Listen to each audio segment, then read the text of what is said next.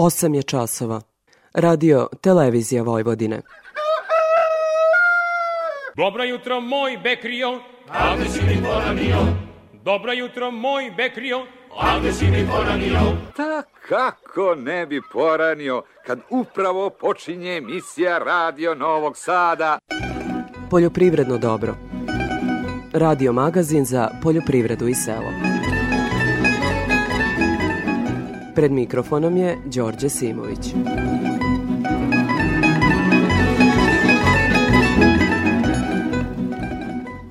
Poštovani slušalci, dobro jutro. Emisiju počinjemo sa najaktuelnijim raspodelom budžetskog novca. Naime, vlada Srbije u tehničkom mandatu usvojila je u minuloj sedmici uredbu o raspodeli posticaja u poljoprivredi i ruralnom razvoju. Njome se raspoređuje deo novca iz budžeta u iznosu od više od 77 milijardi dinara. Uredbu je za poljoprivredno dobro analizirao agrarni analitičar Čedomir Keco. O njoj ćemo detaljnije govoriti u nastavku emisije, a u uvodu poslušajmo generalnu ocenu uredbe. Mislim da je deo, najveći deo obećanja koji je sledio u donošenju ove uredbe ostvaren, iako se neke stavke tu e, ne vide, ali otvara se uvek mogućnost da nova vlada e, popravi ovu uredbu, jer e, kad gledate sada praktično što ovo znači, vlada koja je otišla pravi raspodelu novca koji je Skupština budžetom odredila za vladu koja dolazi. E sad, koji je to ministar koji pristaje na to da mu neko pre njega nešto dođe napravi svu detaljnu raspodelu u odlasku.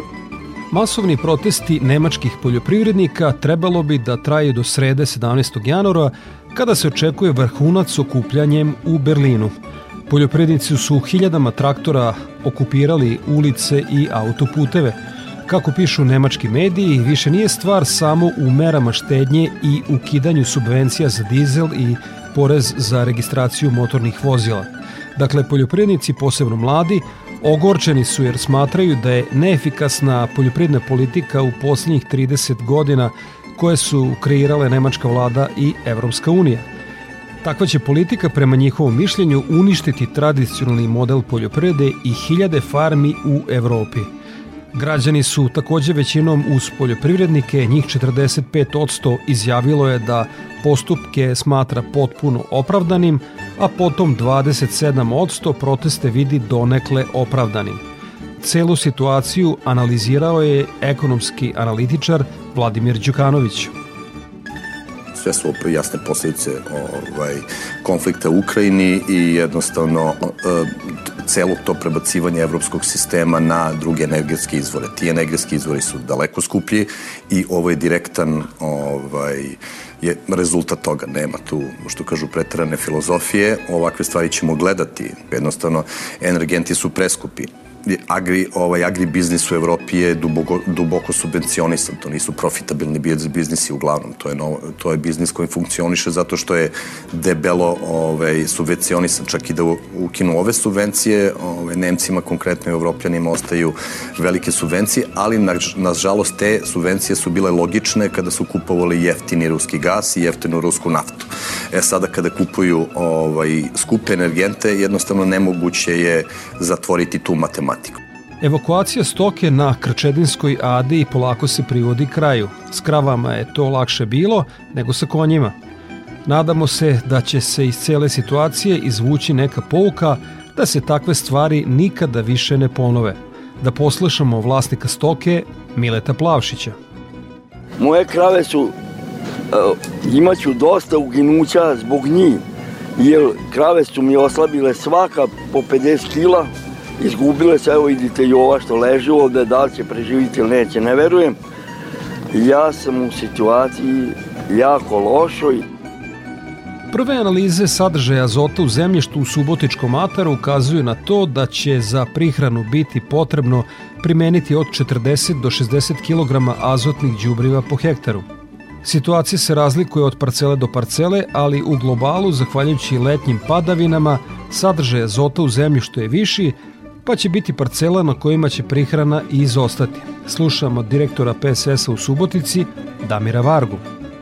Savet je da se urade bar neke parcele, da se izvrši jedan min analiza, ne moraju se znači raditi male parcele od jutra dva, neka se rade parcele od nekoliko hektara, sa različitim predusejima na različitim delovima terena, da se stekne neka globalna slika na gazdinstvu.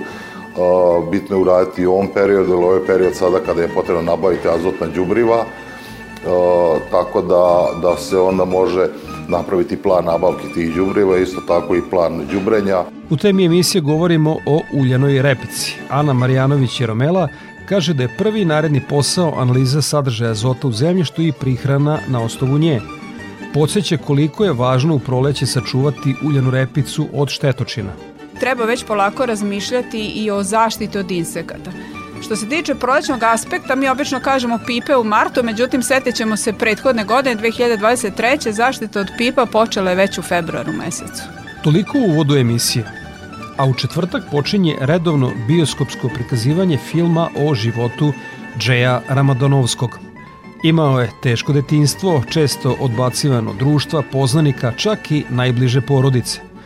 Njegov snažan, vedar i nepokolebljiv duh nije se slomio, već je njegovo teško detinstvo upravo uslovilo kasnije njegovo autentično muzičko stvaralaštvo. Slušamo njegovu popularnu pesmu po kojoj je film dobio ime Nedelja.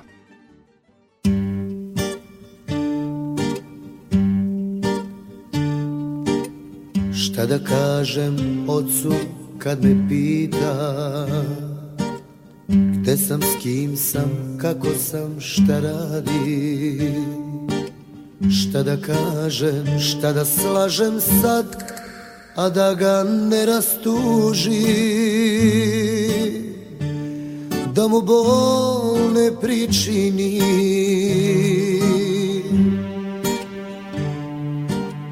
Šta da kaže majci što me nema Da se javim u dom da joj svrati Šta da kažem, šta da slažem sad A da je ne rastuži Da joj bol ne pričini. Nedelja i svi ste tu Sve podsjeća na sreću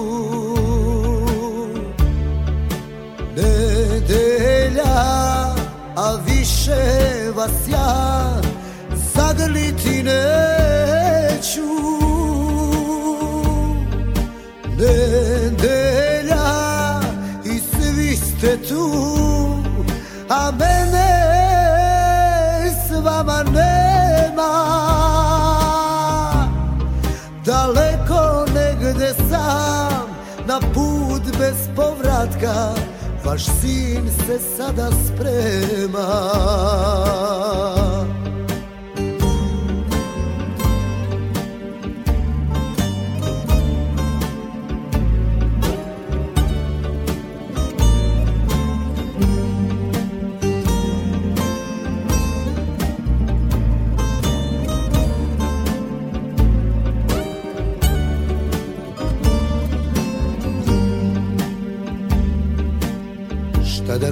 kažem ocu kad me pita. Gde sam, s kim sam, kako sam, šta radi Šta da kažem, šta da slažem sad A da ga ne rastuži Da mu bol ne pričini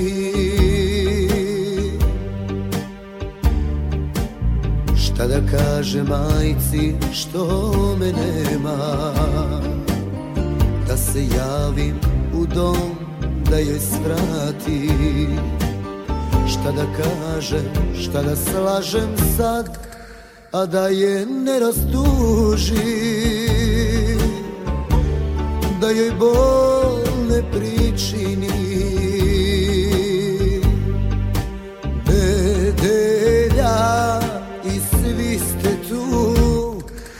me podsjeća na sreću.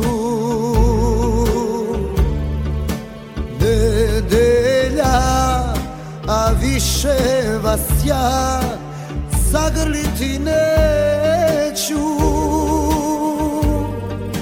Nedelja, i svi ste tu, a mene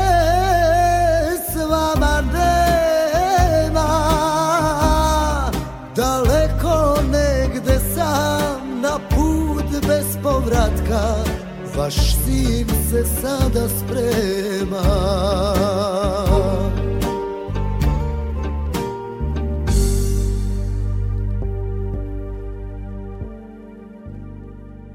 Ovako da se saberem, u spavaćoj sobi u 5 sati budi me radio Novi Sad s lepom vojvođanskom muzikom. Onda u kuhinji slušam obično kad e, ručamo ili nekom drugom prilikom. U radionici ako nešto radim, tu je radio Novi Sad, a u štali tamo to je obavezno. Tamo najviše slušam radio Novi Sad. Poljoprivredno dobro. Radio Novi Sad. Ja stanicu ne menjam.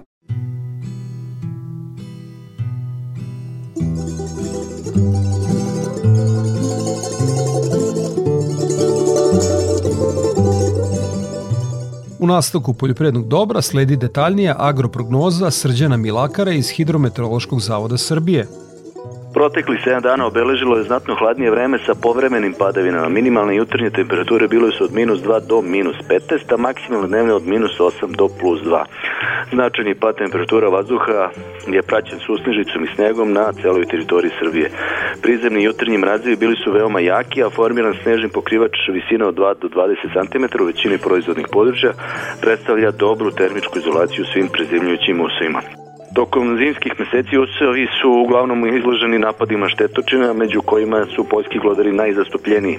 Strna žita spadaju u grupu useva koji omogućavaju optimalne uslove za život glodara. Za sitne glodare koji ne padaju u zimski san, pšenica je vrlo važna u ishrani. Glodari oštećuju i mlada stabla voćaka i oštećenje od njih često dovode do slabljenja pa i sušenja stabla i grana. Što se prognoze tiče, za dane vikenda očekuje se suvo vreme sa sunčanim intervalima uz jutarnji i prepodnevni mraz i manji porast dnevne temperature. Početkom naredne sedmice doći će do slabljenja jutarnjeg mraza uz dnevne temperature od plus 4 do plus 9 stepeni.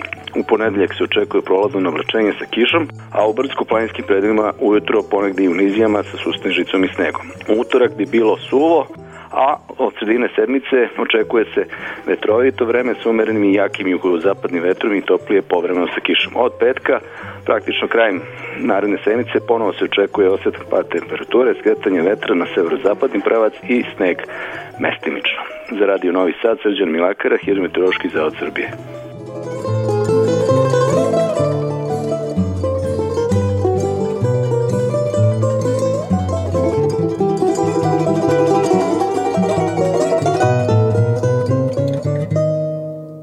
Vegetacija miruje, pa je za današnje poljoprivredno dobro tim prognozno izveštene službe sastavio analizu prošle godine iz ugla zaštite bilja.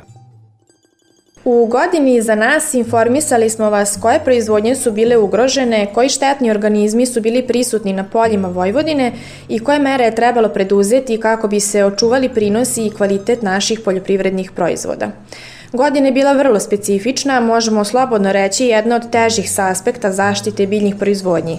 Vremenski uslovi diktirali su prisustvo štetnih organizama u usevima i zasadima, a vrlo često bili su i ograničavajući faktor njihove uspešne proizvodnje. Prolećni deo sezone obeležilo je veoma vlažno vreme sa obilnim padavinama, što je favorizovalo razvoj bolesti u usevima i zasadima, a naročito plamenjače, i to u usevima krompira, luka, tikvica, krastavaca, suncokreta, vinove loze, što je iziskivalo veći broj tretmana nego što je to uobičajeno. Osim padavina, april i maj obeležilo i hladnije vreme, što je značajno odložilo setvu jarih useva – U usevima strnih žita je tokom ove godine konstatovan visok nivo prisustva simptoma biljnih bolesti, a naročito simptoma žute lisne rđe u usevima pšenice.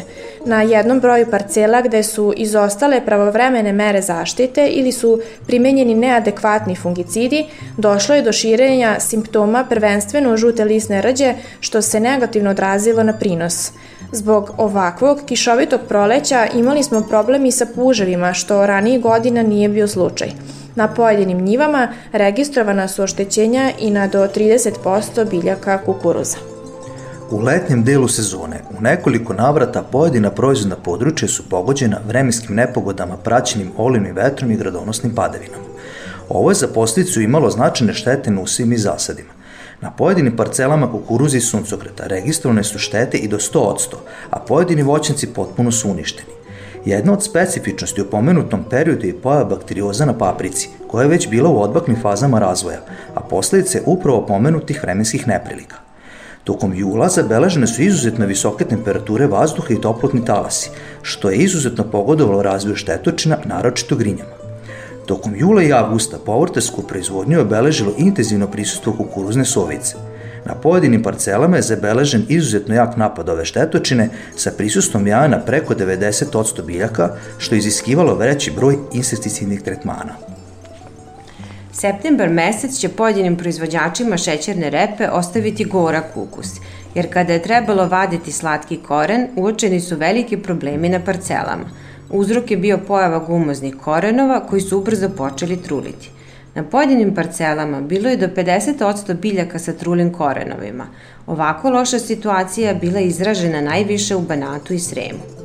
Za kraj moramo spomenuti jedan od gorućih problema u ovoj sezoni, a to je povećano prisustvo poljskih glodara, prvo u prolećnom periodu na usajima strnih žita, a potom u jesenjem periodu na okopavinama i lucerištima i voćnjacima. Nakon zaoravanja žetvenih ostataka došlo je do migracije glodara na ozime useve, njihovo suzbijanje ove godine sprovođeno je u više navrata i dalje traje. Sa olakšanjem možemo slobodno reći da je još jedna veoma izazovna sezona iza nas. Poštovani slušaoci, želimo vam srećnu i beričetnu 2024. godinu, poljoprivrednicima koji kao proizvođači hrane imaju najvažniju ulogu u našem društvu, želimo stabilne prinose, dobre cene poljoprivrednih proizvoda i što manje tretmana u zaštiti bilja. Iz prognozne izveštene službe za zaštitu bilja vas pozdravljaju Milena Marčić, Milica Tepić i Boško Jezerkić.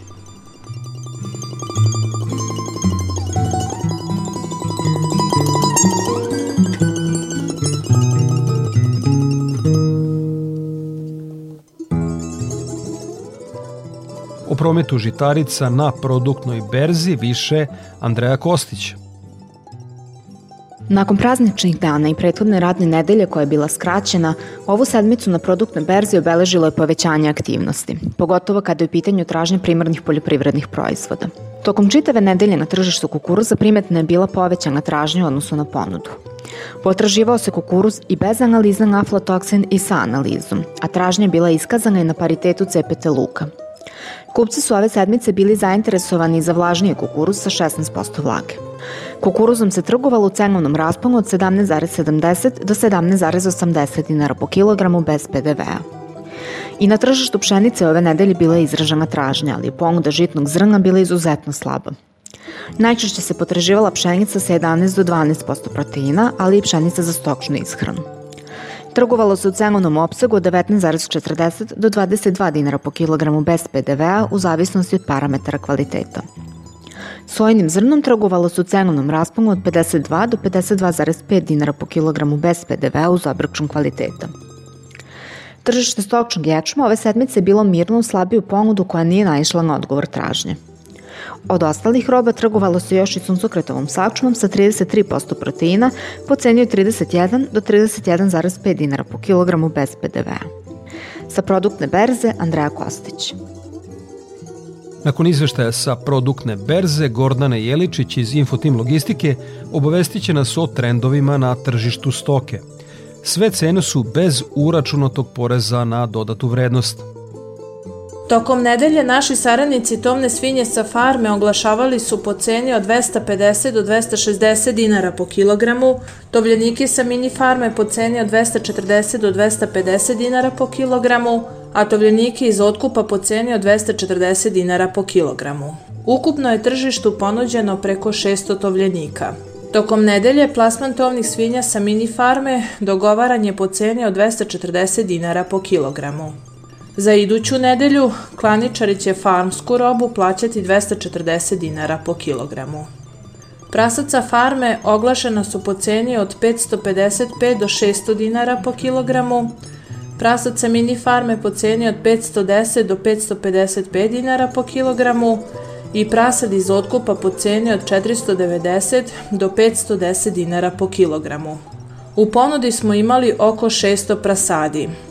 Nazimice za priplot ponuđene su po ceni od 50.000 dinara po komadu. Jagnjac su ponuđena po ceni od 425 do 556 dinara po kilogramu.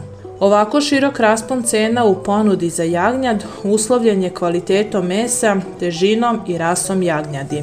Ovce za klanje ponuđene su po ceni od 160 dinara po kilogramu.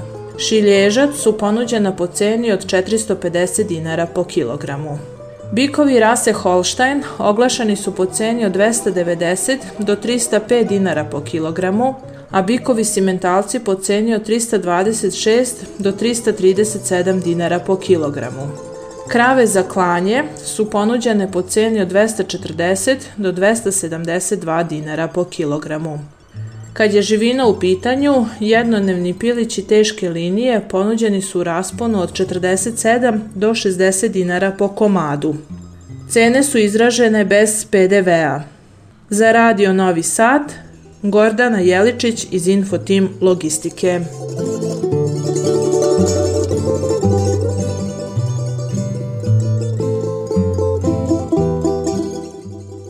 A Infotim Logistika obeležava 15 godina rada – Povodom jubileja razgovarao sam sa direktorkom Araksi Mikaelijan.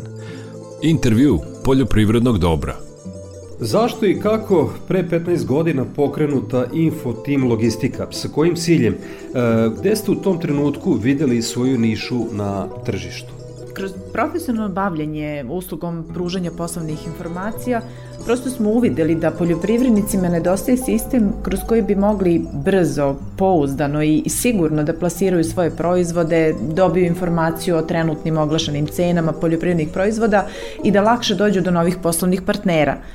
Konkurencija u tom trenutku je bila jaka, ali bez idejne i dosta toga je nedostajalo kako bi informacije bile potpunije i prosto sa našim idejama smo videli šansu za nas na polju informisanja, U početku su to bile firme iz agro i prehrambenog sektora, a potom su i sami poljoprivredni proizvođači pristupili. Novine koje smo imali u tom trenutku su nam prosto otvorile vrata, tako da smo se vrlo brzo izjednačili i postali ravnopravna konkurencija firmama koje su pružale usluge tržišnog informisanja poljoprivrednih proizvođača. Kako ste napredovali za ovih deceniju i po i šta biste izdvojili kao najveće uspehe? Informacione tehnologije kao i softverska rešenja su dosta napredovala i svaki pomak smo u tom pogledu smo je ispratili, većinu toga primenili, ali nažalost naši korisnici ne koriste u punom obimu mogućnosti koje se nude, zapravo razvoj tehnologije je dosta brži nego što je njihova primena znate kako, vi ste novinari iz oblasti poljoprivrede i sami ste svedok ukrupnjavanja tržišta i globalizacija koja je u svetu popularna nije ni nas zaobišla. Krenuli smo eto za nekih nekoliko desetina, a danas baza broji preko 15.000 subjekata. Drugo, dok mi pričamo, poljoprivrednici već preuzimaju naše aplikacije Infoteam sa Play prodavnice, što nam je možda i najznačajnija referenca. Ne manje važno, sve više stručnih skupova posvećenih tržištu poljoprivrednih proizvoda gde naši stručnjaci uzimaju učešće. I u tom smislu možemo smatrati velikim uspehom što smo ostali svoji i pored svega zadržali samostalnost u radu već deceniju i po. Informacije infotim logistike u našoj agrarnoj javnosti i u medijskoj sferi su sve prisutne. E, na koji način dolazite do cena koje mi dalje prezentujemo javnosti? Sve konkretne informacije vezane za robu, ponudu, tražnju, cene e, na domaćem tržištu dobijamo u direktnom kontaktu sa klijentima. Ostale informacije sa domaćeg tržišta poput statističkih podataka, konkursa i zakonskih regulativa koje se propisuju dobijamo sa sajtova državnih institucija. Te informacije naravno nisu nikakva tajna, ali ih mi prikupljamo svakodnevno i postavljamo sve na jednom mestu. Dakle, umesto da naši klijenti sami pretražuju raznorazne sajtove, mi to radimo za njih, obaveštavamo istog dana kad se nešto objavilo i postavljam na jednom mestu kod nas kako na sajtu, tako i u aplikacijama – Postoje i strani sajtovi koji nam omogućavaju pristup informacijama. Neki su besplatni, neke plaćamo, što znači da mi našim klijentima u velikoj meri štedimo vreme, ali i novac i naravno uz brzinu kojom ih obaveštavamo, to je možda i najvažnije danas u poslu. E, snagu kolektiva čine ljudi. Ko u Infotim logistici obavlja e, taj lavovski posao? Naš kolektiv nije veliki, ali se trudimo da budemo dobro organizovani, što znači 8 sati neprekidnog telefoniranja, a za neki nema radnog vremena, već je to 24 kroz 7. E, zaista članovi našeg tima imaju odlično teoretsko i praktično znanje, e, prepoznaju važnost svake informacije i ono što je najbitnije brzo donose odluke. Gošća u programu Radio Novog Sada Araksi Mikaelijan, e, direktorica Info Team Logistike. Pratite savremene trendove. U skladu s tim imate veoma popularnu mobilnu aplikaciju. E, do kojih informacija poljoprivrednici dolaze na njoj? E, kakva je struktura, polna, starosna, regionalna, pre svega, dakle, vaših korisnika? Pa, pre svega da kažem da su mogućnosti aplikacije zaista velike i izuzetne jer pored toga što mogu da vide cene po kojima se neka roba nudi, oni zaista mogu svoju ponudu ili tražnju kod nas da objave, što je odmah vidljivo ostalim klijentima. E, znači, prilikom objave automatski se prikazuju informacije koje zadovoljavaju potrebu. Konkretno, vi sada nudite kukuruz, posle objave odmah dobijate informaciju o svima koji traže kukuruz sa svim njihovim poslovnim podacima i direktno iz aplikacije možete da pozovete potencijalnog kupca i da sa njim pregovarate bez posrednika. Naravno, ko je dobar pregovarač zaista može da prođe dobro u svim tim trgovanjima. Naše tržište, svesni smo, nije veliko i u velikoj meri klijenti ne menjaju tako lako svoje dobavljače ili kupce, ali ono što im jako puno znači je samo to prisustvo u sistemu kao što je Infotim logistika, jer pozovu nekoliko potencijalnih kupaca, dobavljača, na kraju kreva saznaju cene po kojima mogu da obave trgovanje i onda jednostavno na kraju, ako već sarađuju sa nekim, pozovu svog poslovnog partnera i u skladu sa tim i pregovaraju. Naravno, ja moram da kažem da se uvek postigne i najbolja cena, a na kraju krajeva tome mi služimo da ih informišemo. Um, imamo zaista još dosta informacija, ali ću nabrojati neke poput cena na svetskim berzama, konkursima, kratkim pregledima na kraju dana, informaciju o uvozu i izvozu koje obuhvataju period, proizvod, državu, količinu cenu i tako dalje. To nisu sve informacije koje mogu videti na aplikacijama, jer pored toga postoje razvi izveštaj koje šaljemo klijentima na dnevnom, nedeljnom i mesečnom nivou, a tu je i korisnička podrška putem telefona. Naravno, našim klijentima još uvijek bitan i onaj SMS koji, ovaj, koji oni dobijaju i to je još jedan način obaveštavanja. E, pitali ste me vezano za starosnu strukturu, ovaj, otprilike neka starosna struktura, oko 70% su e, ljudi od 20 do 50 godina, sledeća po brojnosti je 50 do 60, mada imamo i starije korisnike. A ja, nažalost, moram da kažem kada je u pitanju odnos muškarac i žena da su zaista u većoj meri zastupljeni e, muškarci kao korisnici. Nekoliko puta smo imali specijalne akcije sa ciljem promocije žena u preduzetništvu i povećanjem broja ženskih korisnika i tako da evo i sada bih ponudila za 10 žena koje se jave besplatno korišćenje naše aplikacije do kraja marta. Ova akcija važi zaključno sa 15. januarom kada i slavimo godišnicu. Dakle, poštovane poljoprivrednice, preuzmite Infoteam Android ili iOS aplikaciju sa Play prodavnice ili App Store-a, registrujte se i sa zadovoljstvom je koristite. Na koji način ćete obeležiti deceniju i po Infoteam logistike? U toku godine Infotim Logistika obezbeđuje veliki broj informacija koje prođu kroz naš sistem i prosto usled dinamike ne postižemo da se pozabavimo njima, već ih pregaze bukvalno nove informacije i stog smo za kraj godine sastavili jedan sveobuhvatni statistički bilten o kretanju cena na domaćem i svetskom tržištu, analizu uvoza i izvoza roba kao i najaktuelnija dešavanja na svetskom tržištu. Cilj ovog biltena je prosto da osvetli stanje na domaćem i svetskom agrotržištu, ali ne samo to, već i da pruži dragocen uvid u mogućnosti koje se pružaju. Prethodnu godinu tržište žitarica obeležili su značajni viškovi pre svega pšenice, a delimično i kukuruza. Kako prevazići taj problem? Puno toga se izdešavalo za ovih 15 godina u agronom sektoru i srpsko tržište je otvoreno ka svetu i kao takve vrlo osetljivo na svetska dešavanja. naš uticaj na svet e, je mali, nije beznačajan, ali je zanemarljiv, dok je uticaj sveta na nas presudan pri formiranju cena. Pratići svetske berze Chicago, Matif, Milano, pitamo se prosto zašto i mi u Srbiji ne možemo da prodajemo po tim cenama, pa smo čuli i zahtev poljoprivrednika da se uredi robna berza, računajući da će se sa tim uređenjem postići i te cene koje su na svetskom tržištu. To je proces i nije, ga, nije lako postići tako nešto. Da bi imali cene približne cenama u svetu, mi moramo podići našu preradu, a izvoz žitarica svesti na minimum zapravo da nam bude samo zemlja okruženja gde mi diktiramo cenu, a da izbegnemo izvoz u daleke zemlje gde možemo postići svetske cene, ali su zato troškovi transporta veliki. I sa tom idejom smo organizovali panel diskusiju u saradnji sa Privrednom komorom Vojvodinu u njihovim prostorijama 24. januara, gde ćemo se baviti potrebama Srbije e, i gde možemo utrošiti viškove žitarica. Ukratko, mi smo izvoznici kukuruza i pšenice, a uvoznici mesa, mleka i energije.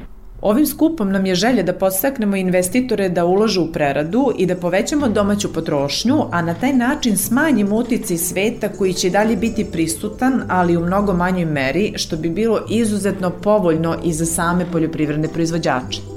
Povodom jubileja 15 godina e, firme za Radio Novi Sad govorila je Araksi Mikaelijan, e, direktorica Info Tim Logistike, e, rekao bih prva među jednakima.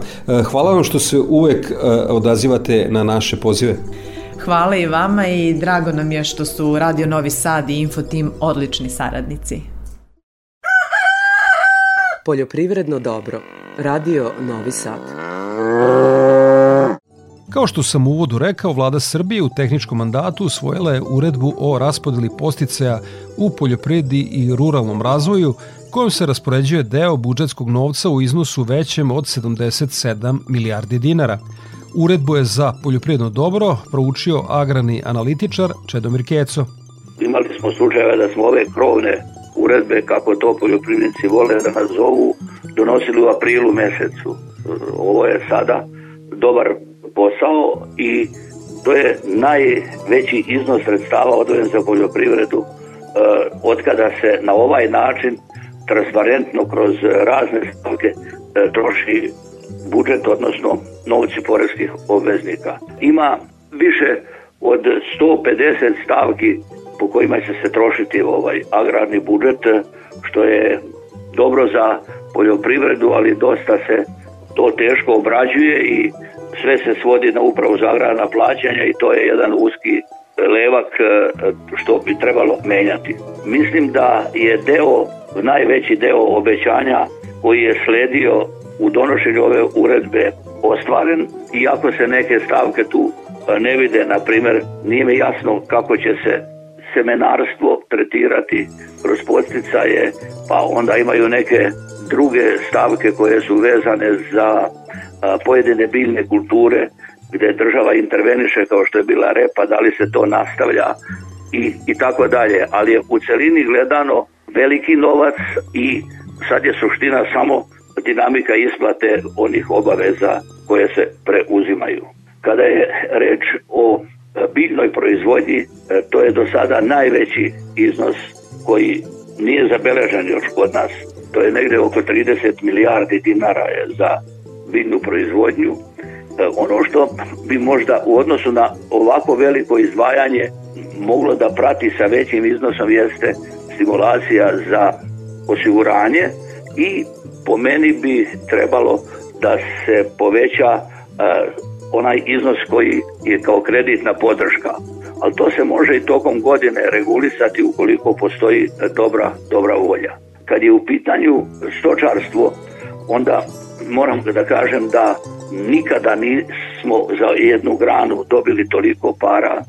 Ja mislim i jednu novu odgovornost da su dobili stočari, ali država tu nije e, izvršila jednu selektivnost u pogledu e, finansiranja odgovarajuće recimo proizvodnje mleka nije napravila razgraničenje između onih koji zaista imaju otežane uslove proizvodnje i oni koji već industrijski proizvode mleko. Tako da tu su velike pare i e, moram da kažem da uz ove posticaje proizvodnja mleka sa premijom e, i sa davanjem po grlu postaje biznis e, za one koji imaju 9 do 10.000 litara proseka po kravi tokom godine i to je dobro, to je dobro.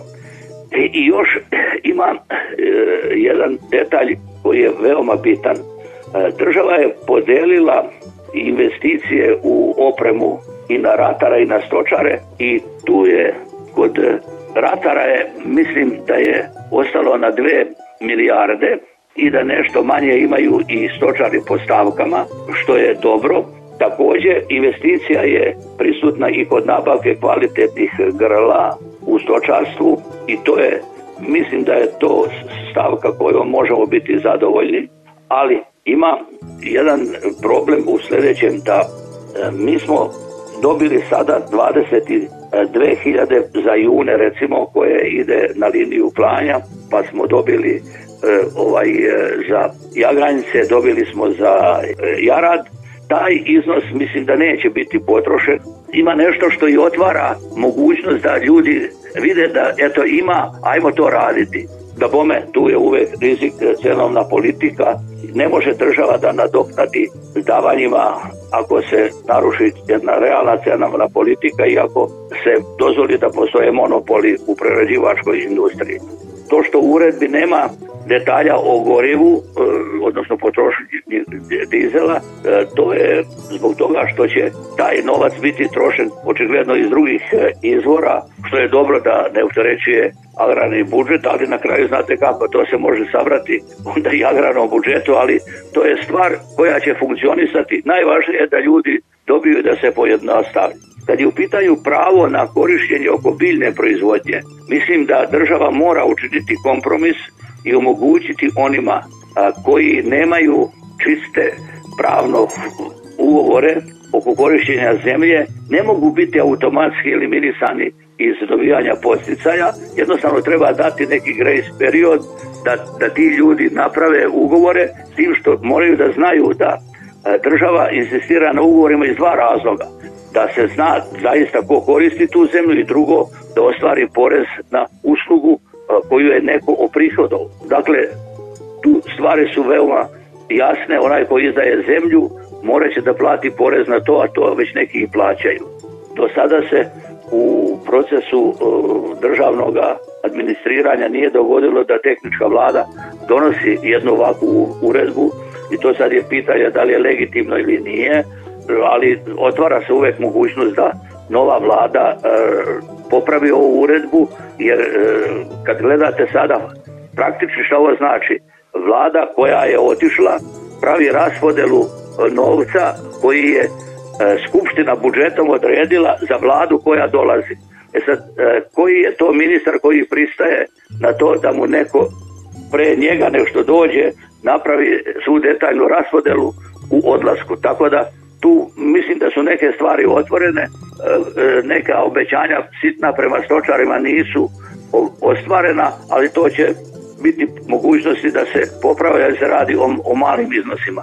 Ali je veoma dobro što se vlada otvorila bez razlike u kom e, sastavu i kako otvorila se prema poljoprivredi e, za 2024. godinu. Tom brzinom se još to nije događalo, a pogotovo ne e, kada su obavljeni izbori.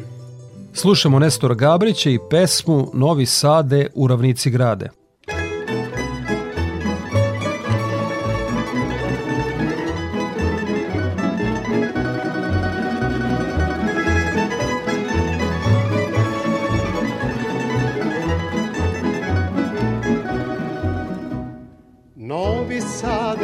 Ravnici grade, tebe krase vojvođanke mlade. Novi Sade u ravnici grade, tebe krase vojvođanke mlade. Tebe krase vinogradi plavi i tvrđava na Dunavu bali. Tebe krase vinogradi plavi i tvrđava na Dunavu pali.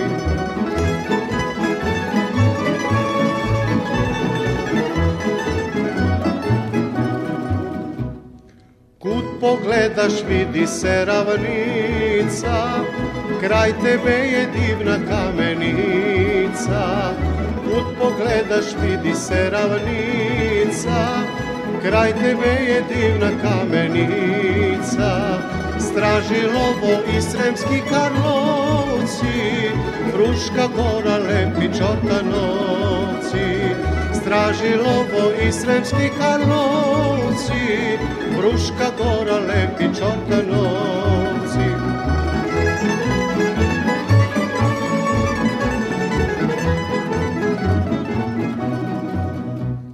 Novi Sade lepli si u noći, nisam ne znam kud bih hteo poći. Novi Sade lepli si u noći, nisam ne znam kud bih hteo poći. Kud pogledam suda je milina, lepa li je naša Vojvodina. Kud pogledam suda je milina, lepa li je naša Vojvodina. Tema emisije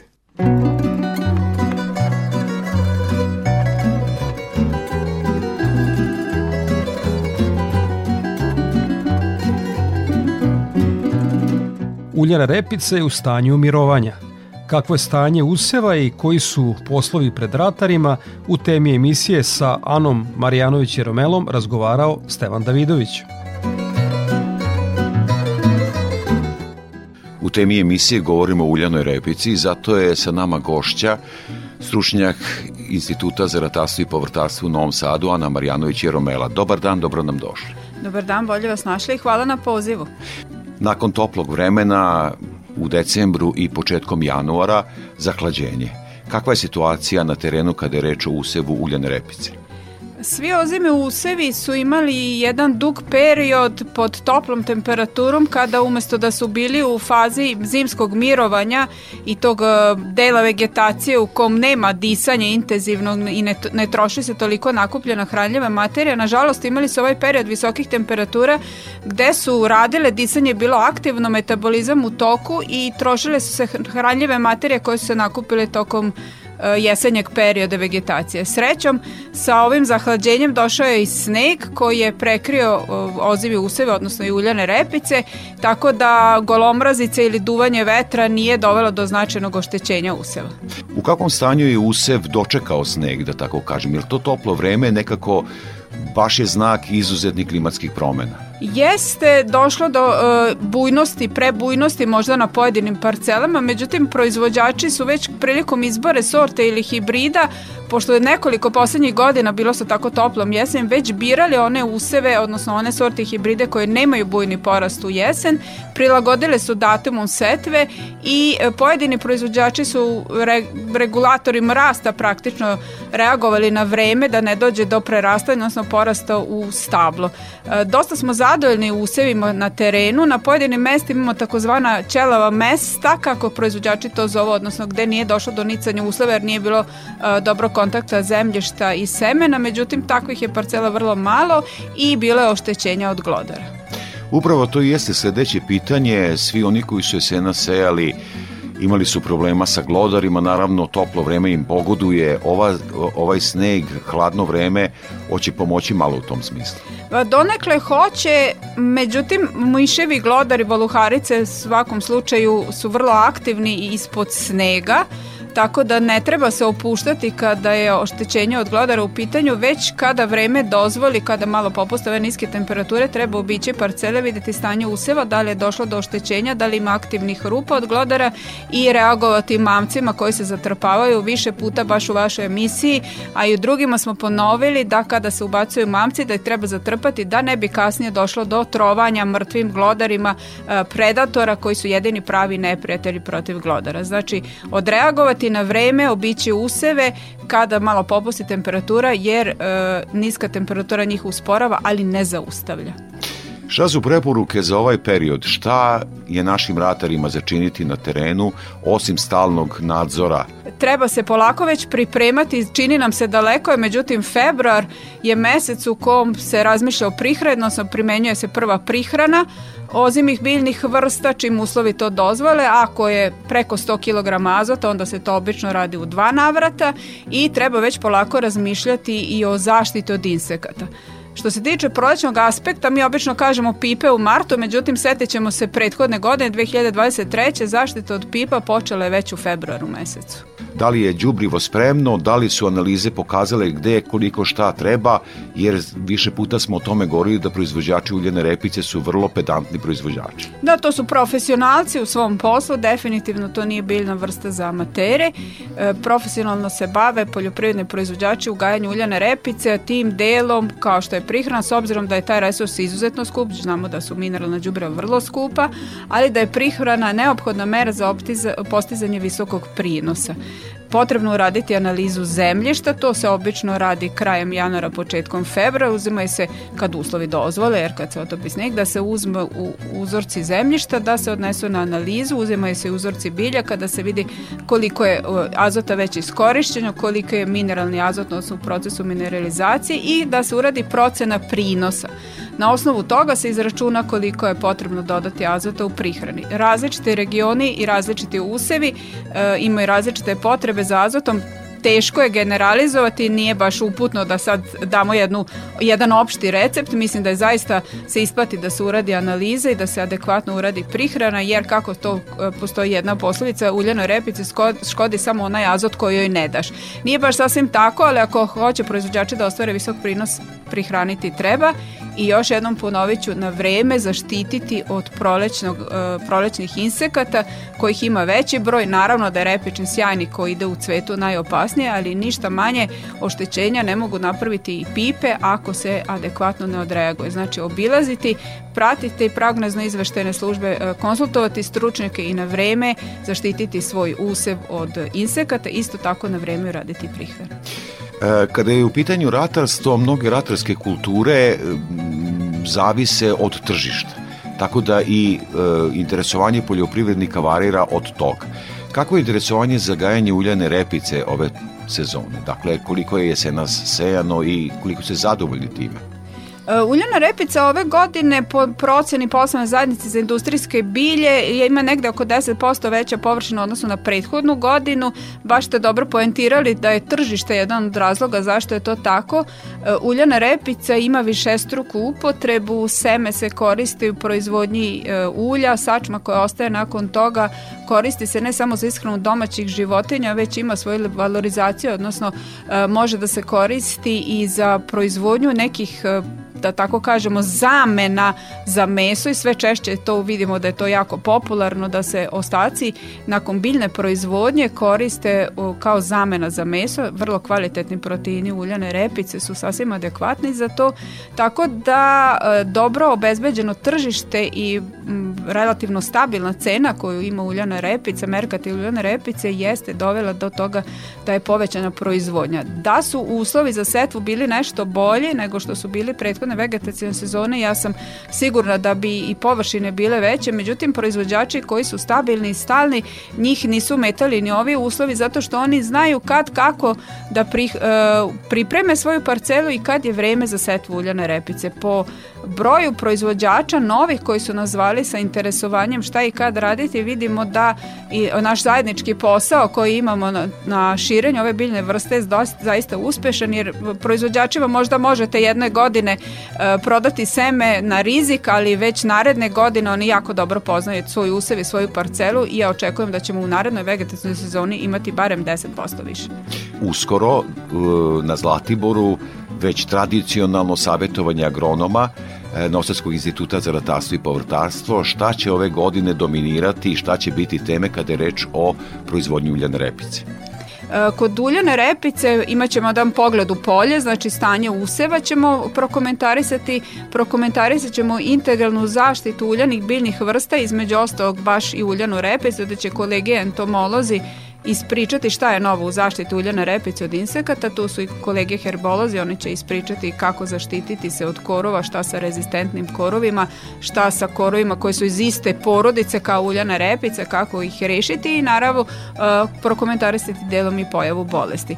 Takođe ćemo ispričati i ono uh, aspekt koji smo već pomenuli, a to je uh, zelena energija i ulj, mesto uljane repice u proizvodnji biomase i zelene energije, baš sa aspekta koji ste takođe pomenuli, a to je zemljište, jer dubok vretenast koren koju uljana repica ima ostavlja zemljište u jednom dobrom stanju i e, voditi računa o tome da se ne odnese previše organske materije kako bismo sačuvali prirodnu plodnost zemljišta. Možda samo da podsjetite naše slušaoce od kada do kada je ovo savjetovanje agronoma na Zlatiboru? E, Savetovanje agronoma na Zlatiboru počinje 29. Ponedeljak je okupljanje, nakon toga radni dani su utorak, sreda i četvrtak kada ćemo imati predavanje koncipirana više prepodne, ali tokom popodneva biće aktivnosti okruglih stolova, e, tematskih e, praktično diskusija gde će biti prisutni osim poljoprivrednih proizvođača, mladih poljoprivrednih proizvođača, dati akcenat na, na mladima, tu su i prerađivačka industrija, jedno mesto okupljanje i u četvrtak sa svečanom večerom praktično završavamo naše aktivnosti. Nakon toga, nakon tog 2. februara e, krećemo sa drugim aktivnostima, ali sam centralni događaj se dešava u hotelu Palisad na Zlatiboru i očekujemo naše proizvođače da se okupimo i da zajedno razmenimo svoje iskustvo. Gost u studiju Radio Novog Sada, stručnik Novosadskog instituta za ratarstvo i povrtarstvo, Ana Marjanović i Romela. Veliko vam hvala za ovaj razgovor. Hvala vama na pozivu. Slušamo pesmu Jedno jutro čim je zora svanula. Jedno jutro čim je zora svanula, svanula, našim šorom zasvirala tambura, tambura, tu se prati moj deram, ide kući na kresan. Tu se prati moj deram, ide kući na kresan. Našli majko, šta bi bilo najbolje, najbolje. Da izneseš ti moj krevet napolje, napolje. Pa kad dođe ojdera Neka legne na kresan Pa kad dođe ojdera Legne na kresan Jedno jutro meni majka govori, govori Što su sine polupani prozori, prozori. Polupoji tvoj deram kad je došao na kresan tvoj deram kad je došao na kresan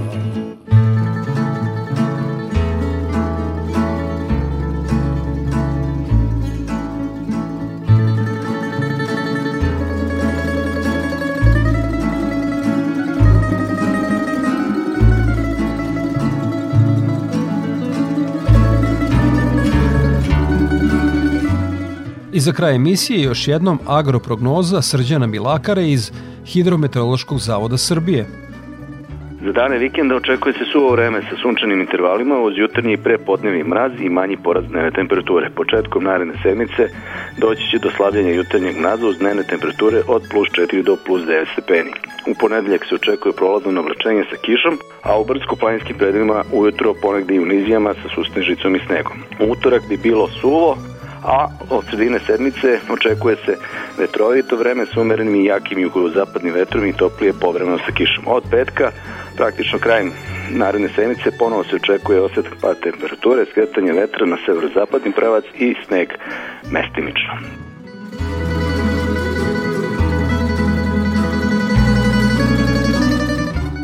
Toliko poštovani slušaoci u ovom izdanju Poljoprivrednog dobra, radio magazina za poljoprivredu i selo, javne medijske ustanove Vojvodine.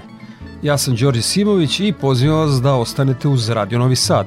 Vašoj pažnji preporučujem ekološki magazin pod staklenim zvonom, koje je na programu na Konvestiju 9. Svako dobro!